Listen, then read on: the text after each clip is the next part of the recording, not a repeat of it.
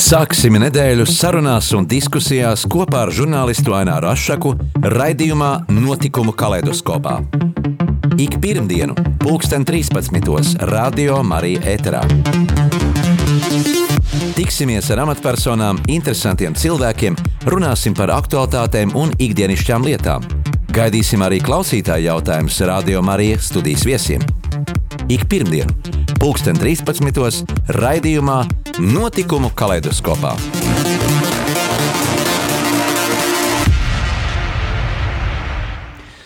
Esiet sveicināti, cienījamie radio klausītāji! Ar lieliem platiem soļiem esam iesoļojuši jaunajā gadā, un šodien jau 10. janvārs. Un šodien studijā uz sarunu esmu aicinājis vairāku grāmatu autori, rakstnieci, dzēnieci Luānu Loinerti. Sveicināt, Luānu! Labdien! Nu, sāksim ar to. Es redzu, ka studijā uz galda tu jau esi uzlikusi vairākas savas uh, grāmatas, kuras ir tapušas teju vai sešos gados, kā iepriekš teici. Uh, bet kāds bija tavs ceļš, tavs ceļš uz rakstniecību?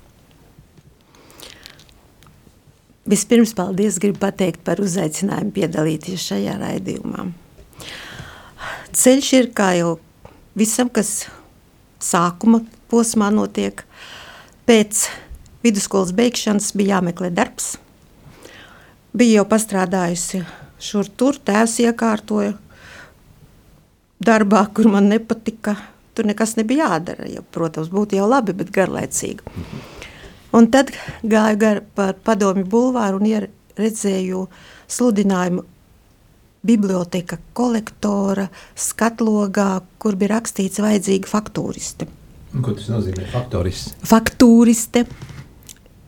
Tas nozīmē, kad ir jāraksta kādas grāmatas sūtīt uz bibliotekām. Caur kopējamo papīru ar roku bija sarakstīns uh, kādas grāmatas, kurai bibliotekai un cik. Pastrādāju, pastrādāju, bet tad man teica, ka faktūristi vairs nav vajadzīga. Pietiks ar vienu, lai es kļūstu par grāmatu saņotāju. Man tas pavisam nepatika, fizisku darbu, bet es iemācījos ļoti perfekti saņot. Vēl šo baldu dienu var jums sasaņot, ka neizjuks neviens sainis. Un es pārgāju strādāt aizgāju no bibliotēkas kolektora, pārgāju strādāt uz grāmatu bāzi. Tur arī es biju faktūriste, otrā stāvā padomju bulvārī 24. Arī tāds pat darbs, sarakstīns, kopējamais papīrs un ar roku rakstam. Un tas arēķinam, vai pareizi galā, vai neesam kaut ko vairāk kādam iedalījuši. Jā, bet šo, šobrīd ejot ar grāmatu veikaliem, kāds ir tavs skatījums salīdzinot ar to laiku, ja, kad tu strādāji tajā grāmatu bāzē un šodienas grāmatnīcas piedāvājums? Grāmatnīcu piedāvājums. Kā es skatos? Es skatos kā uz to centrālo staciju, kas ir tagad sagraukta. Mhm. Ja, un tāpat ir sagrauta visa grāmatu tirdzniecība. Protams, tagad var trukāt grāmatas jebkurš. Tikai paņemiet uh, rokas somiņā mm, kādus pāris tūkstošus eiro un ejiet uz jebkuru tipogrāfiju un drukājiet, ko jūs gribat. Toreiz tas tā nebija. Metieni tagad ir ļoti maziņi, bet tā sanāca, ka man paaicināja strādāt uz centrālo grāmatnīcu. Um, mācību grāmatu nodaļām. Es visur kaut kā, tā kā tāds kaķēns eju tur, kur man paaicina. Ja? Uh mhm. -huh. Man paaicināja veikalu vadītāju, tikai pēc tam es uzzināju Neliju Lukstiņu. Pēc daudziem gadiem, ka viņa šajā veiklā bija strādājusi visu vācu laiku, visu Latvijas laiku, un viņa tur bija joprojām, bet ja, man tagad ļoti žēl, kad es, varbūt arī man arī neviens nestāstītu tajos laikos neko. Sāku strādāt, un tur nāca jauna pārdevēja, Un vienreiz atnāca viens puisis, Gunārs Konstantīnos, un viņš sāka strādāt mācību grāmatas veikalā noliktavā. Um, viņš, teiksim, mm, neslēpa to, ka, ka ir mācījies garīgajā seminārā, no turienes ir aizgājis. Un es skatoties uz viņu un kontaktējoties, es sapratu, ka jā, patiešām viņam bija ļoti asa mēle. Uh, un viņš daudz ko atļāvās runāt. Viņš neslēpa to, ka viņš iet vakaros uh, kalpot uz Jēkaba katedrāli. Un tad drīz vien parādījās meitenīte, jaunāka par maniem gadiem, pieciem. Viņai bija tādas interesantas bizītes, tā uz augšu sarulētas, kā pepijai garzeķei.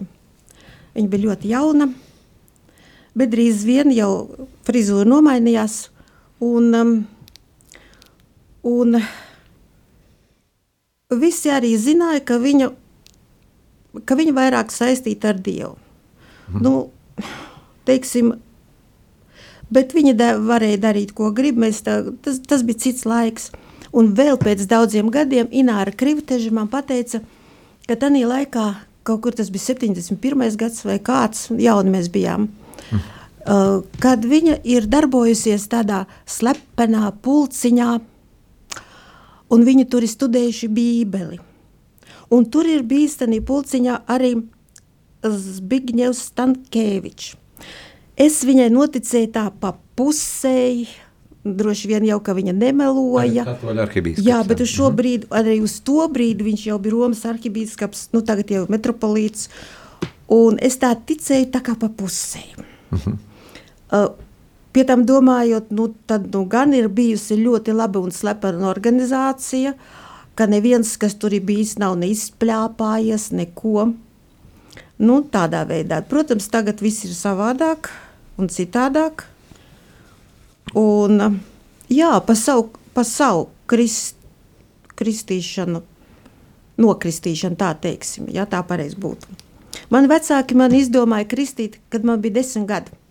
Mēs dzīvojām Rīgā. Bet viņi man aizveda uz Jālgavu, tur bija daudz mūsu radinieku, un mani kristīja Jānas baznīcā. Man bija desmit gadi. Baznīcā nebija neviena cilvēka, tikai krustvecāki, mani vecāki. Es jums teikšu, ka bērnam desmit gados baznīcā ieiet pirmo reizi ir diezgan tā um, emociju un daudz pārdzīvojumu pilna dvēsele. Bērni uz baznīcu būtu jāved agrāk, lai viņš jau mazot ne, uh, Nu, es jau tagad gudra. Ja? Lai viņi iepazītu rituālus un lai jā, viņi jau no pašas just, bērnības. Lai viņiem jā. nebūtu mhm. bail mm -hmm. no visa, var teikt, ka bail no visa tā plašuma, tā mm -hmm. lieluma, bet tas jau arī bija ļoti sen. Nu, Annas baznīcā man kristījā, Lutera ticībā. Luāna, nu strādājot grāmatu bāzē, grāmatu veikalā, vai tev pašai mm, bija interese, vai tu to arī darīji, vai tu lasīji šīs grāmatas, Zinat, par to grāmatu lasīšanu ir tā, protams, ka lasīju. Un tas deficīts, kas bija grāmatu deficīts un citi deficīti, tie principā bija arī mākslīgi radīti. Mēs paši strādājām tur, nu, tie, kas pie vadības pults bija. Es atceros, iznāca tāds mm, albums, Rīga fotoalbums. Nu, viņu pārdeva varbūt, es nezinu, cik tur eksemplārus. Nu, tie bija tūkstoši. Bet, kad es vienreiz nogāju tādā centrālā grāmatnīcā, noliktavā, viņa bija daļa tur noliktavā, un kad es redzēju tos šausmīgos krājumus, līdz pašiem griestiem, tas mm -hmm. albums, un kuru deva tikai tur pa otru pusi, vai, uh, nu, ko tur varēja darīt, bija tādi laiki, un varbūt tā vajadzēja. Vēl bija viena tāda maza nianse bija plāns, un to plānu nedrīkstēja pārsniegt. Ja bija plāns ietirgot tik un tik rubļus, tad tādu lielu pārsniegšanu, pārsniegt plānu nedrīkstēja. Jā, bet tagad runāsim par šiem laikiem. Um, jā, tu kļuvi par rakstnieci. Tu kļuvi par rakstnieci, sāka rakstīt grāmatas, un uh, tās arī mm, ir tiek iespiestas, drukātas, izdotas uh, izdevniecībā Juma autori, to sadarbojies. Jau vairākus gadus ir gan dzīslis krājumi, gan arī uh, proza. Uh, tad, tad, uh, kā radās šī ideja nu, par grāmatu? Piemēram, pirmā grāmata, kas bija. Mazdrusiņu palabošu dzīslis krājuma nav. Es, es, es rakstu dzēju, bet, mm -hmm. bet vēl nekāda krājuma nav, un es arī daudz viņu nevienam nerādu. Jā. Bet es gribu paturpināt par tirdzniecību. Man nomainās laiki. Protams, ka es no centrālās grāmatnīcas vienreiz man pienāk klāt vadītāji un saka, tu zini, mēs tev varētu ielikt par vadītāju grāmatnīcām, pie teiks vajadzīgi vadītāji, bet uh, tev ir jāstājas partijā. Mm, citādi mēs nevaram. Un tikai žēl, ka tu nesi komjonieta. Bet, protams, tas bija tāds noslēpums, neliels komjonieta es biju. Ah, 50. vidusskolā Rīgas 50. tur viss uzņēma komjonatnēm, mani arī. Bet, kad es mainīju darba vietu, bija jāmaina arī komjonatnes komitejas vieta. Un tad, kad man izdeva, kad es mainīju komjonāts Kirovielā, jā, izdeva visus dokumentus, visas lapiņas, kur viss bija. Un kad es man teicu, un tagad ejiet uz citu rajonu ar tām lapiņām, es izgāju ārā un nodomāju, nē, nu nekur es neiešu, un nekur es nepieteikšos vairs kā komjoniete. Viss. Bet man nebija tāda kā politiska pārliecība par kaut ko. Es pat nezinu, kāpēc. Es to nevaru izskaidrot. Tā bija tāda uzspiesta lieta vairāk, ja? Tāda nu, jā, viņi jau bija uzspiesta. Pašpieņemama tajā brīdī. Jā, bet, ne, bet vienkārši es tā pēkšņi izdomāju. Un, bet tagad es esmu nekomjoniete, un man ir mhm. jāstājas partijā. Un viņa teica, žēl, ka tu neesi komjoniete, ja būtu, tad jau būtu vieglāk. Atnācu mājās un saku tēvam, man piedāvā stāties partijā, ko man darīt. Un viņš saka, nu stājies, varbūt noderēs. Un jā, man noderēja. Viņi turēja savu vārdu, un es kļuvu vadītāja 15. grāmatnīcā pie teiks. Mm -hmm. Jā, un vēl par grāmatām, lai nobeigtu visu par grāmatām, kā saka, un, un pie rakstniecības ķertos klāt. Mm. Arī tāda, ar tādiem pašiem panākumiem, kad es jau strādāju. Mm, jau no 15. grāmatnīcas bija centrālā grāmatnīcā par preģizinu laikam. Jā. Pēkšņi direktora Meikališa saka, ka politiskās izglītības namā Kielskā ir vajadzīgs pārdevējs. Tas ir tagadējais kongresa nams. Jā. Tagadējais kongresa nams, jā. Bijušais kongresa nams, jā. Nē, bijušais politiskās izglītības, izglītības nams, nams tagad ir kongresa nams. Mm -hmm. Tā tad, um, bet ir vajadzīgs uzticams cilvēks. Nu, bet man jāgaida kāda nedēļa, kamēr uh, VDK vai kā tur čekisti pārbaudīs, vai man nav ārzemēs radinieki un vai es esmu tāda pavisam, pavisam kārtīga komuniste. Nedēļu viņi baudīja, neko neatrada, un viņi man teica, ka nu, tad es strādāšu politiskās izglītības namā. Tā es tur sāku strādāt. Bet tā kā nāca citi laiki, vēl pēc desmit gadiem, nu, strādājot tur, um, man nācās arī vēl pārvietoties uz citu tādu organizāciju. Grāmatdraugu biedrība. Tā bija centrāla komitejas paspārnē. Grāmatu draugu biedrība bija katrā rajonā. Un tur bija tādas grāmatas, kādas nevienā grāmatnīcā nekad nebija. Uh, tur tika speciāli drukātas grāmatas no 30. gadu laikiem, autori, kurus mums stāstīja, ka tā ir lubu literatūra un tādu padomu cilvēks nevar lasīt. Bet Centrāla komitejas paspārnē arī tādas varēja lasīt. Un tika nodrukāti uh, labākie uh, latviešu valodā drukāja grāmatas Ļeņingradā.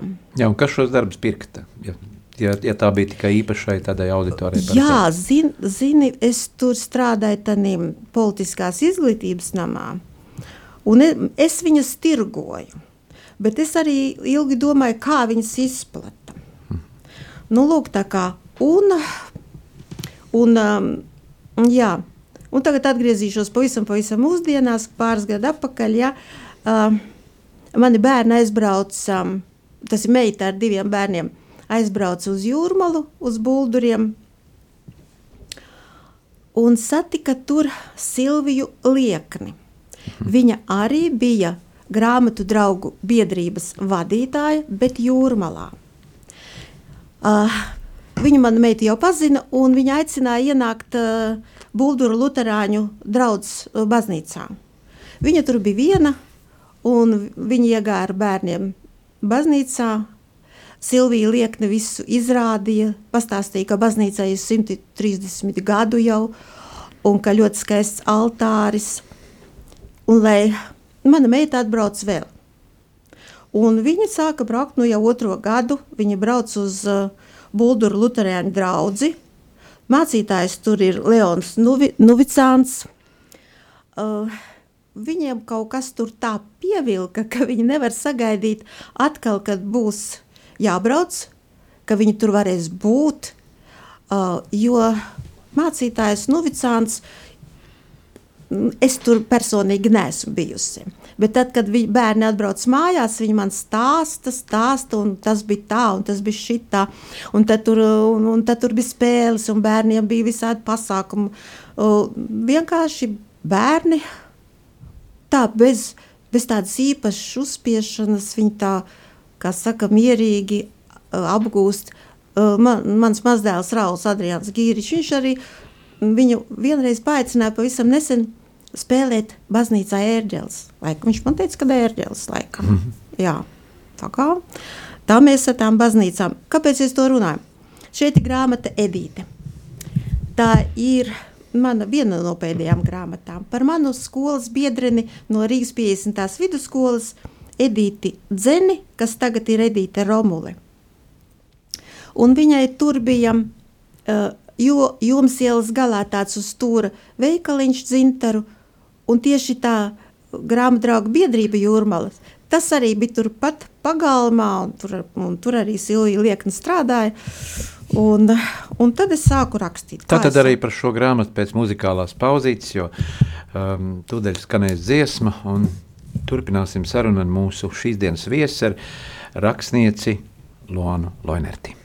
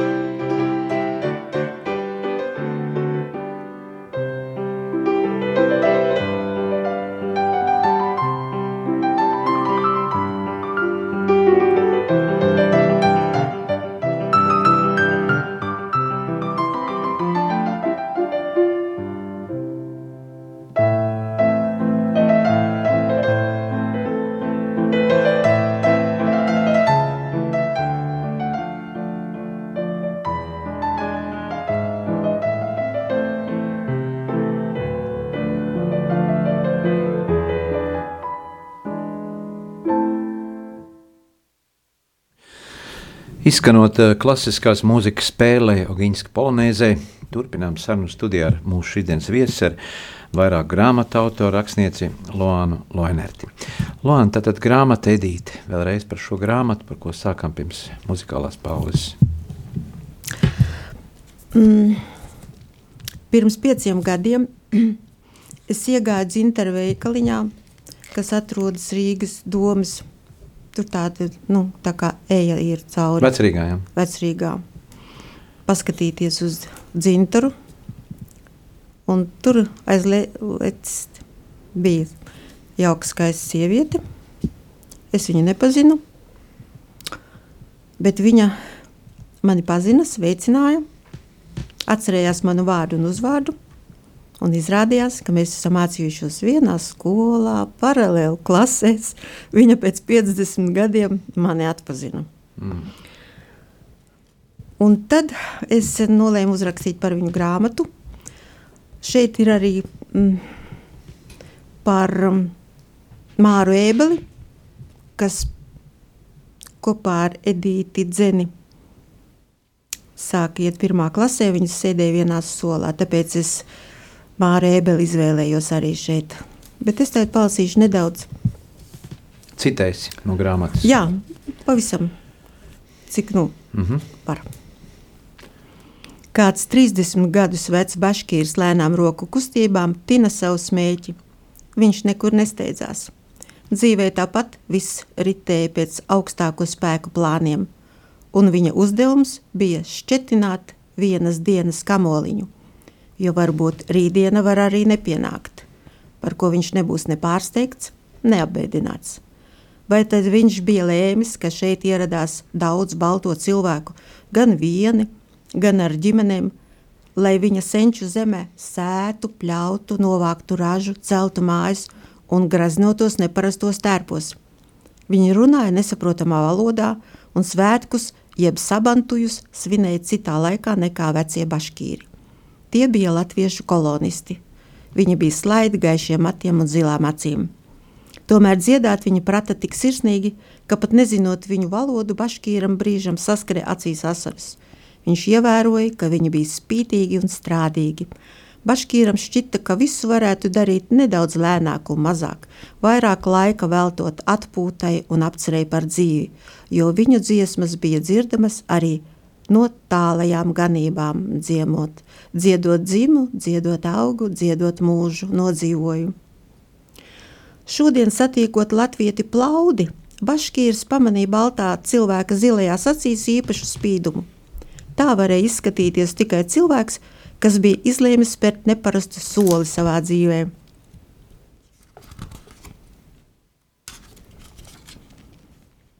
Plaudim bija liela ģimene, māte, sieva un deviņi bērni.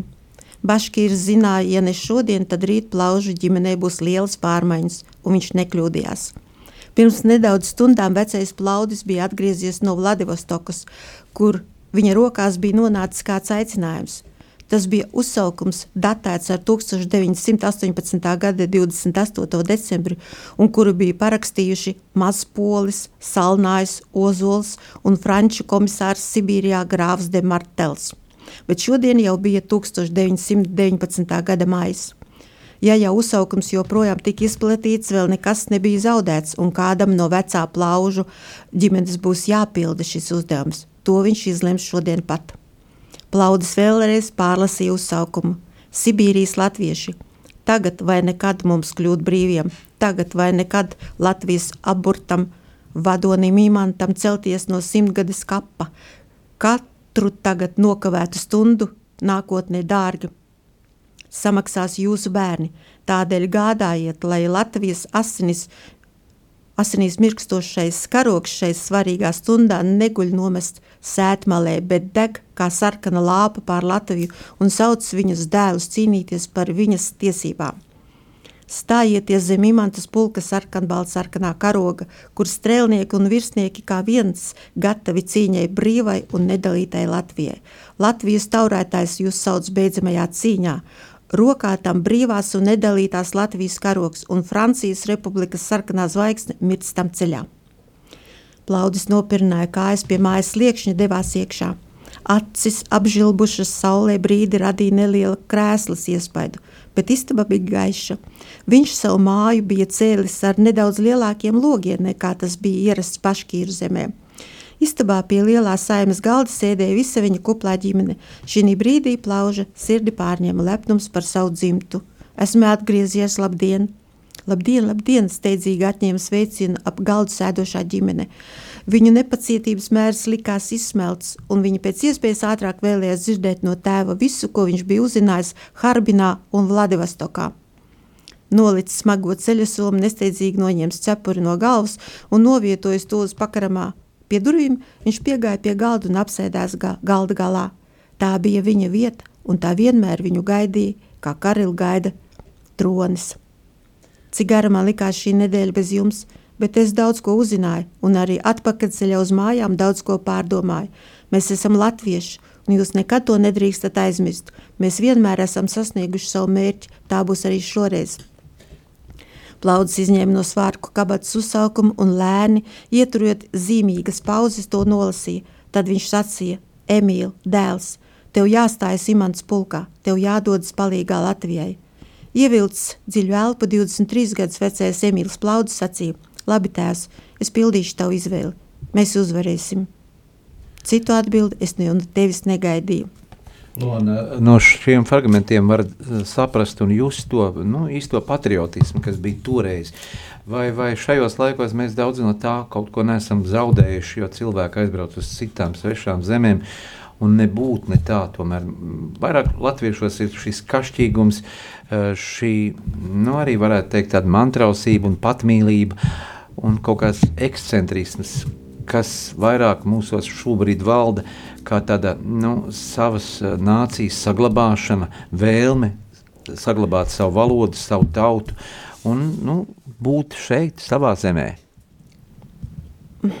Tie ir apstākļi, kas ir spieduši cilvēkiem aizbraukt no Latvijas. Ekonomiskie apstākļi. Jā, Un tas notiek pamazītiņām. Tu pat nesaproti, kā tas notiek. Vienā jaukā dienā tu saproti, ka šeit tev nav ko darīt, ka šeit tev neviens nepalīdz, ka šeit tu Jā. kļūsti nabaks.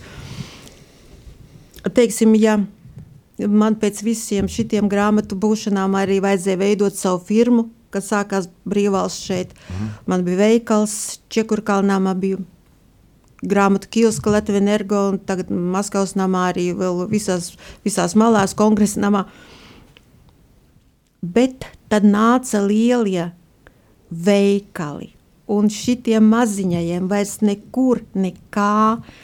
Viņi nevarēja, nevarēja nāca iekšā, nāca iekšā vienkārši. Un tie tika izspiesti no tirgus, un, un tu faktiski paliki bez darba. Jā, es paliku ar vien, ar vien švakrāk, paliek ar vien švakrāk, un tu nekur neesi vajadzīgs, un tev jāiet kaut kur, kaut kur strādāt, un, un tu jau vairs neesi tik jauns, un tur vajag zināšanas kaut kādas. Uh, tehniskas, varbūt kompjūteris. Vēl tagad neko no tā viss nesaprotu. Mm -hmm. Tu jā? grāmatas raksti ar roku. Es grāmatas rakstu ar roku, jā, mm -hmm. un tad jumavā man viņa pārrakstam.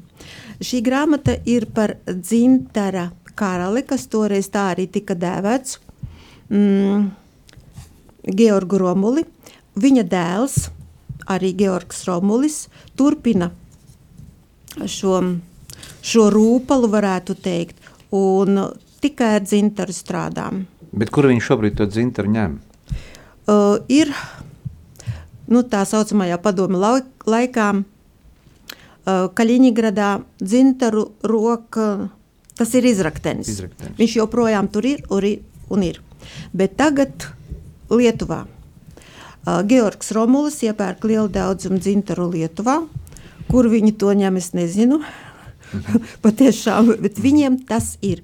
Mums, mūsu dzintars, kas šeit ir, tas jau staigājot gar jūras malu, varbūt tur kaut ko var salasīt, bet tas nav tādos apjomos. Nav. Nu, lūk, tā kā.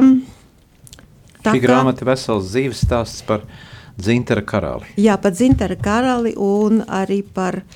Uh, kas paudžu paudzēs ir, ir strādājis jā. un attīstījis savu biznesu.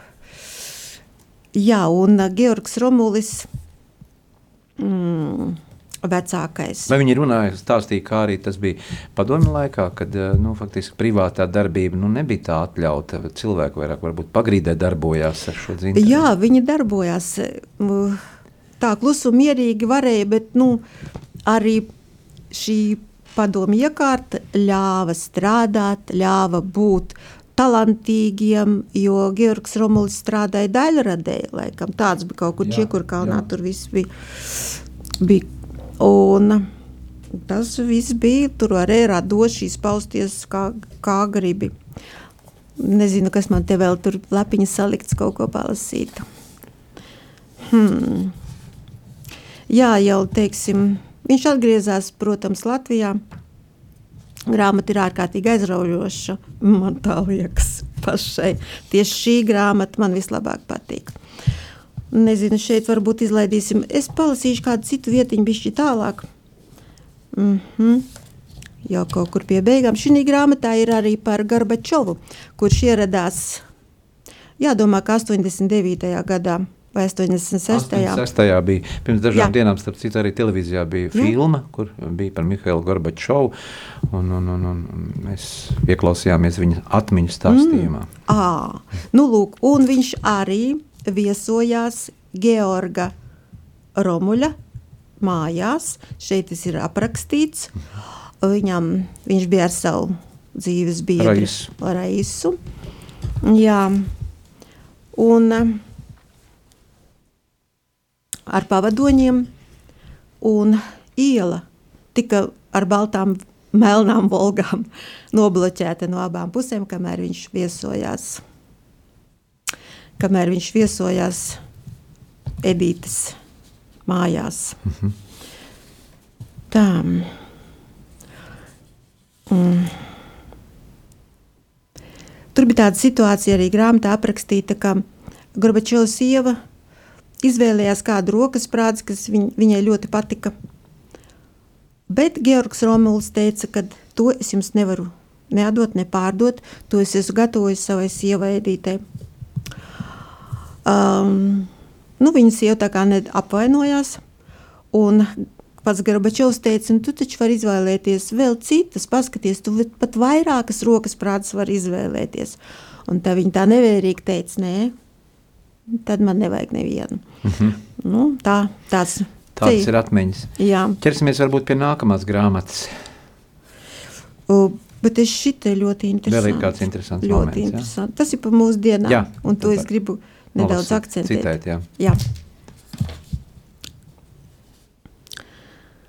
Ir katra cilvēka dzīve sastāvīja no negaidītiem, neizprotamiem tikšanās mirkļiem. Mm, kas tā? Mm -hmm. Kaut kur gēnu līmenī, tāpat kā zvaigznēs, bija ierakstīts tas, par ko pats cilvēks nevarēja ne zināt, ne iedomāties.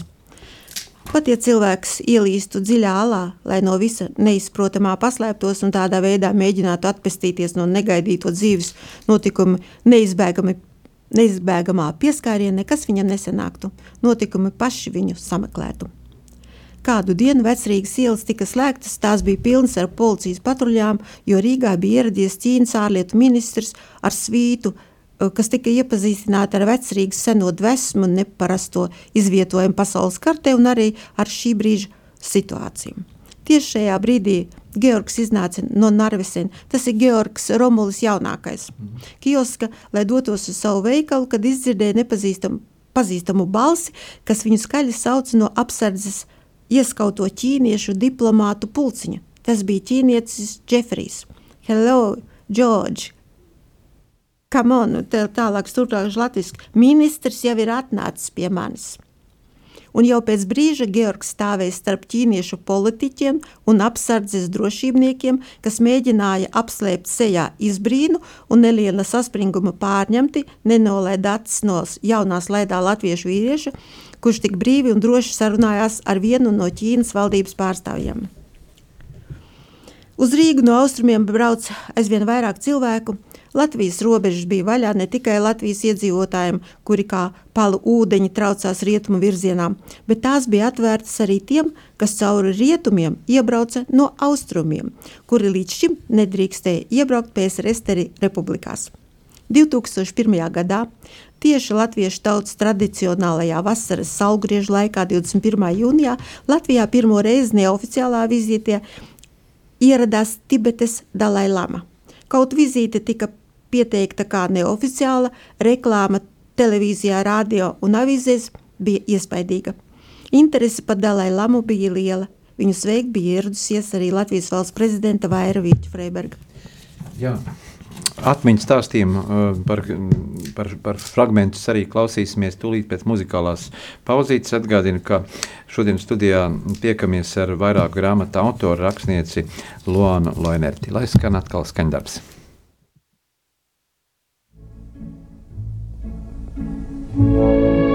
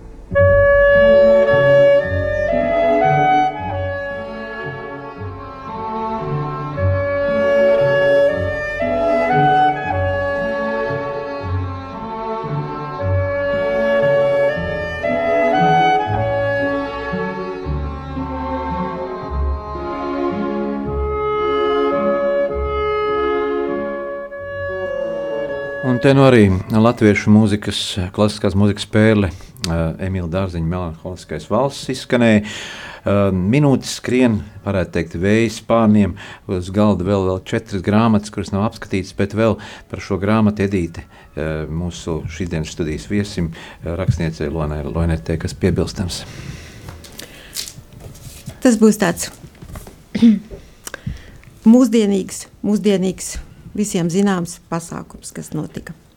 Kad kādu dienu Georgs veikalā salonā ienāca kāds kungs, kura stāja un gaita liecināja par viņa piederību garīdzniecībai, Georgs viņu laipni sagaidīja un bija ne, nedaudz pārsteigts, kad svešais kungs stādījās priekšā kā Rīgas svētās Marijas Magdalēnas prāvests un Rīgas arhidiecēzes ģenerālpatvikārs priesteris Andris Kravalis. Georga sejā neparādījās izbrīns. Priesteris sacīja, ka Georgu Romuli viņam bija ieteikuši kā augstas klases dzintara rota meistaru un ka viņš vēlas pasūtīt pie Romuļa kunga rožu kroni, ko grib personīgi dāvināt Romas pāvestam Franciskam. Pirms pieņemt svarīgo pasūtījumu, Georgs centās izzināt kravaļa kunga vēlmes, gan apspriežot dizainu, gan abām pusēm pieņemamu atlīdzību par izmantotajiem materiāliem un darbu. Priesteris no tirgoņa ielas veikala izgāja apmierināts. Viņš bija uzticējies profesionālim un goda vīram, un nemirkli nešaubījās, ka rožu kronis būs tik starojošs un dzīvības pilns kā Romas pāvests Francisks to nespēs izlaist no savām rokām. Priesterim Andrim Kravalim bija daudz iespēju un privātu mirkļu, lai savu dāvanu pasniegtu Romas pāvestam, jo viņš būs līdzās pāvestam kā itāļu valodas tulks. Kad noteiktajā dienā priesteris Kravalis ieradās pie Georga pēc pasūtījuma, viņš savu sajūsmu nespēja novaldīt. Viegli apzeltītais dzintara rožu kronis maigi skāra priestera rokas. Zeltā bija rakstīts Rīga, Latvija 24.09. 2018. un smalki iegravēts meistara vārds Georgs Romulis. Nu, jau tie arī ir vēsturiski fakti, kas ir jau jau pagātnes notikumi, un tie arī visi atspoguļot grāmatā. Kā jau minēju, šeit uz galda vēl vairākas grāmatas, par visām mēs nespēsim izrunāt, bet pa, varbūt uh, par katru ļoti ātri un par kādu vēl sīkāk. Tad, tad grāmata Filadelfija, te vēl grāmata uh, Leonīts Antons, grāmata Latgals sāga, kur pirms vairākiem gadiem par, par, par vienu dzimtu, un arī dzimtas stāsti, tad dokumentāli fakti un stāsti. Un vēl grāmata par Imantu Mežraupu bija par Amerikā dzimušo latviešu komponistu, kas vairākus gadus pavadīja Latvijā. Tad grāmata Filadelfija tavās rokās. Nu, šī grāmata Filadelfija tapa pateicoties Aināram Ašakam, kas man te tagad intervēja. Jā. Jā. Viņam 10. oktobrī dzimšanas dienu. Un 10. oktobrī no rīta viņš man piezvanīja. Tātad tu man piezvanīji 10. oktobrī no rīta un teica, lai es atbraucu uz Āgenskalna baznīcu un ka tur būs Imantam Mežaraupam veltīts, uh, veltīts piemiņas pasākums. Protams, es biju neapmierināta, kad nav diena iepriekš pateikts, bet tas nekas. Mēs pēdējā brīža. Pēdējā brīža, jā. Nu tad nu, kaut kā jau sapucējāmies. Un es ar mm, tā tad es arī ierados Torņa kalna baznīcā. Un tur bija burvīgs koncerts, veltīts Imantam Mežaraupam un vadīja Ainārs Sašaks. Tas nozīmē, ka tas bija tu. Uh, un tad pēc koncertam mēs, tu man paaicināji iepazīstināt ar, nu, teiksim, ar saviem mūziķiem, kolēģiem, ar Vīru un Pāni, kura bija nodibinājusi Imante Mežaraupa daļrades atbalsta fonds viņai bija. Nu, es uzkāpu uz tā paaugstinājumu, kur jau ne, netālu no altāra. Un, kad tu pateici, iepazīstieties, tā ir rakstniece Luāna Loinerta, tad Vija Rumpāne momentā man teica, uzrakstiet grāmatu par Imantu Mežraupu. Es, es biju ļoti pārsteigta, ka tā uzreiz tā kaut ko rakstīt, pa ko es neko nezinu. Es kādu nedēļu domāju, un um, Pēc nedēļas es piezvanīju viņai un teicu, ka es esmu mieru rakstīt, bet es esmu izdomājis tikai grāmatas nosaukumu - Filadelfija. Un viņa bija apmierināta ar grāmatas nosaukumu. Un tā es uzrakstīju grāmatu par Imantu Mežaraupu, kuri arī izdeva Juma dzīvē un mūzikā. Jā, varbūt klausītājiem tas tā šķiet uh, neticami, kā tas ir. Uh, tikko pieminēja, ka jāraksta grāmata, un tā grāmata top, vai tur pēc tam vairāku, uh, vairāku nedēļu garumā tika nu, tādas sarunas, pierakstītas atmiņas stāstījumi, vai, vai, vai lai, lai tos faktus savāktu kopā, kā salikt, lai grāmata taptu, vai, vai, vai grāmata ir kā tāds izdomājums, rakstnieka fantāzija, kā tas varēja būt. Ne, absolūti ne. Jo es uh, sarunājos ar, ar tiem cilvēkiem, kuru, kuri pazina Imantu Mežaraupu. Viņš bija Latvijas no Filadelfijas. Uh, viņa draugs šeit, Krišjāns Kariņš, viņi kopā, viņi ļoti lieli, labi draugi. Tagadējais premjeras. Tagadējais mūsu, jā, premjerministrs. Uh, Un viņš ļoti rūpējās, kad mežaraupam jau bija grūti brīži pienākuši, jau, kad viņš ļoti par viņu rūpējās. Un, un, un, kā saka, un, bet neko nevarēja arī daudz izdarīt, jo nu, citreiz ir tā, ka var, citreiz tā, ka nevar. Um, šeit ir, viņš desmit gadus bija tāls evaņģēliski luterālās draudzes baznīcā, tur viņš brauca uz uz tālsiem un vadīja kori. Un tas koris apceļoja tiešām daudzas valstis, un, un ar to kori viņi, tas bija viņa darbs. Tas bija, tas bija viens no viņa darbiem.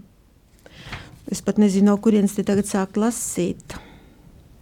Jā, kad iznāca grāmata, tad man paaicināja arī uz uh, Talsu baznīcu, kur baznīcā mm, pēc dievkalpojuma tie, kas negribēja klausīties, varēja iet prom, bet tie, kas gribēja vai nu grāmatu iegādāties, vai paklausīties, ko es tur runāju, um, es stāstīju par šo grāmatiņu.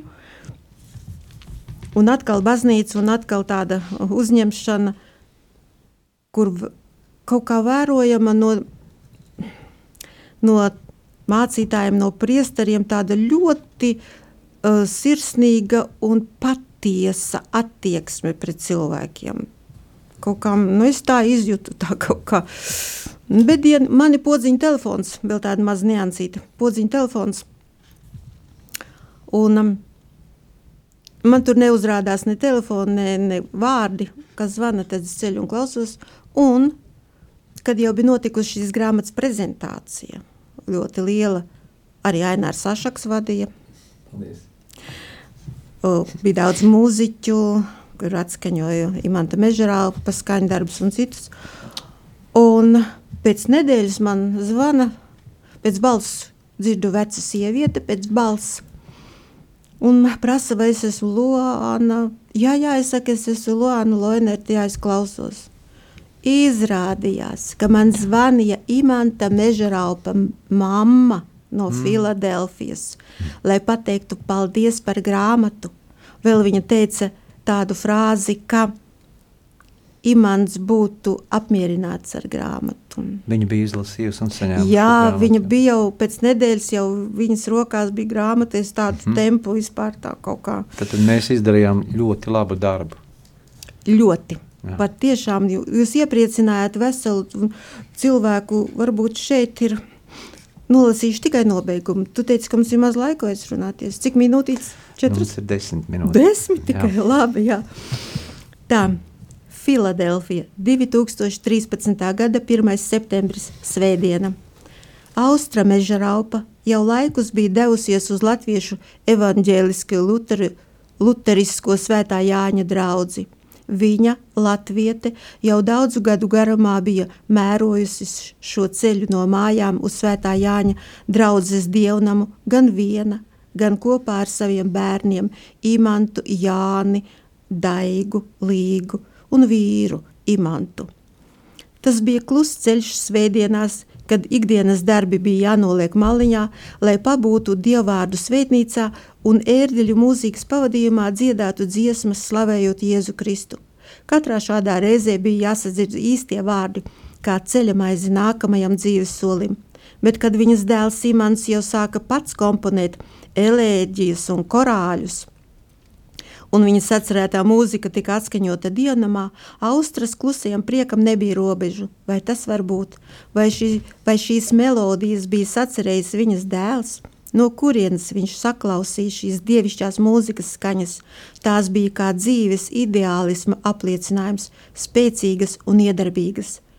Bet nu jau bija pagājuši vairāk mēneši, kā viņas dēls Imants bija citā saulē un viņi vairs nekad nemēros ceļu uz dievnamu abi kopā, dēls ar māti. Tikai to dienu Austrai bija sajūta, ka dēls iet viņai blakus, varbūt solīti pa priekšu vai pussolīti aiz viņas, it kā tepat, bet atskatoties, viņai aizmugurē neviena nebija. Bet Imants noteikti no debesu augstumiem vēroja māti.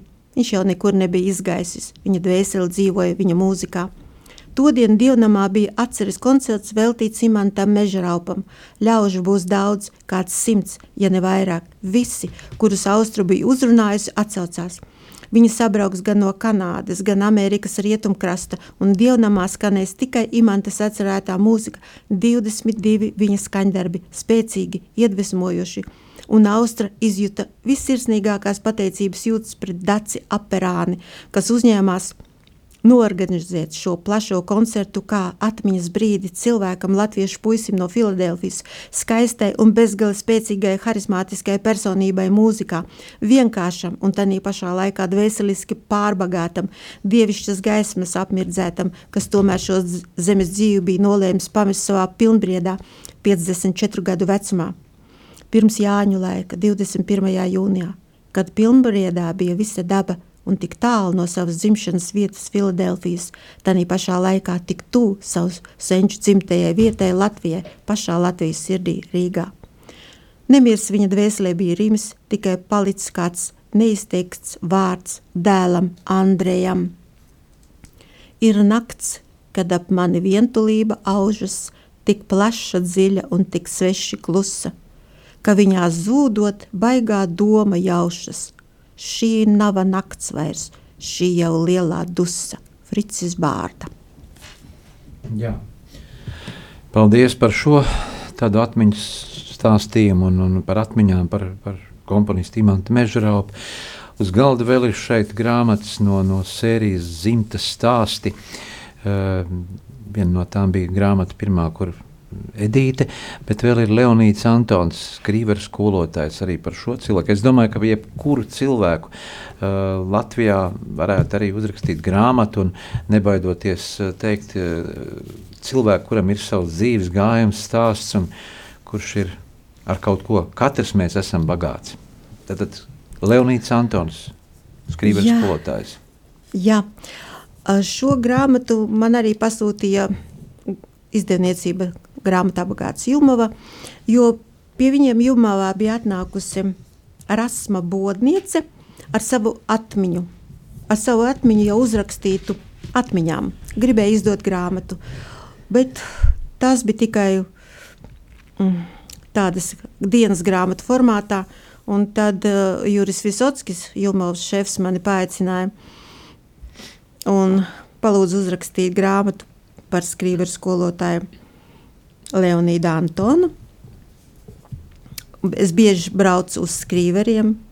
Es satikos ar um, cilvēkiem, kas viņu labi bija pazinuši gan skolā, gan um, visur. Viņš bija ļoti izcila personība. Viņš pat varētu teikt, ka viņš jau par ģimeni mazāk domāja tikai par skolu un kā viņiem iemācīt fiziku un tādas lietas, kas Eksaktā viņam noderas. Jā. Mm -hmm. Un viņš bija atgriezies no Sibīrijas kopā ar savu, kopā ar savu māsu un vecākiem. Tā var būt. Mm. 198. lapas pusē var būt kaut, kas, kaut kāds īsts fragmentiņš. Ieskatām, nelielam. Kā, kā es rakstu. Mm -hmm. Mm -hmm. Tā sprūda kalna virsotnē aug ozols, diškoks, ko 1976. gadā uzgāja dzēnieks Imants Ziedonis. 1977. gada rudenī Imants Ziedonis ar diškoku atbrīvošanas grupu iztīrīja ozola apkārtni un par godu Andrē Upīša simtgadē nosauca koku par lielo Andreju. No kalna paveras dišs un skaists skats uz dīvajas senleju un jaunjelgavu. Tajā gadā Leonīds Antons iepazinās ar Imantu Ziedoni, abi dzim, bija dzimuši 1933. gadā, No pirmās tikšanās viņi kļuva ļoti labi draugi un daudzus gadus Vēlāk, 2006. gadā, kad dzēnieks kopā ar dēlu Rimantu Ziedonu uzrakstīja grāmatu Mežu zemē Latvijā, 240. un 241. lapas pusē būs šādi vārdi – skrīveri, skrīveru meža parks pretī Daugavmalas dendroloģiskajam parkam, veca aleja, kas ved kalnā uz mežsargu māju, kāds, kādas liepas, cik simtgadēs, kādas apses, kā iemirdzes sidraba mizām slīpajā augstajā janvāra saulē. Bet pašreiz Leonīds Antons ir tikai lielā darba taka izveidošanas pašā sākuma posmā, un kopā ar zēniem un meitenēm ieradušies pie lielā Andrē, lai nezāles un uzbāzīgie krūmēji, krūmāji no jauna nesauktu ap diškoku, neļaujot tam izvērsties savā diženumā. Ko, koka apkārta jākopj katru pavasari un katru rudeni. Jā, pavisam nemanot, ir aizritējusi stunda sarunas, un mēs esam iepazinuši rakstnieces Lonas Loinertes um, radošo daļradi, uh, grāmatas ies, ieskats grāmatās par to, par ko stāsta šīs grāmatas, kāds ir to saturs. Un, un droši vien varbūt kādam arī no mūsu klausītājiem ir, ir uh, savs arī dzīves stāsts, un varbūt ļoti interesanti cilvēki, varbūt kaut kāda ideja tad droši varēt arī rakstīt, un varbūt savā laikā iznāks aprunāties ar rakstnieci. Un, un tomēr katrs cilvēks ir eh, vērtība, tā ir daļa no mūsu tautas, no mūsu valsts, lai saglabātu mūsu nāciju un mūsu mm, identitāti.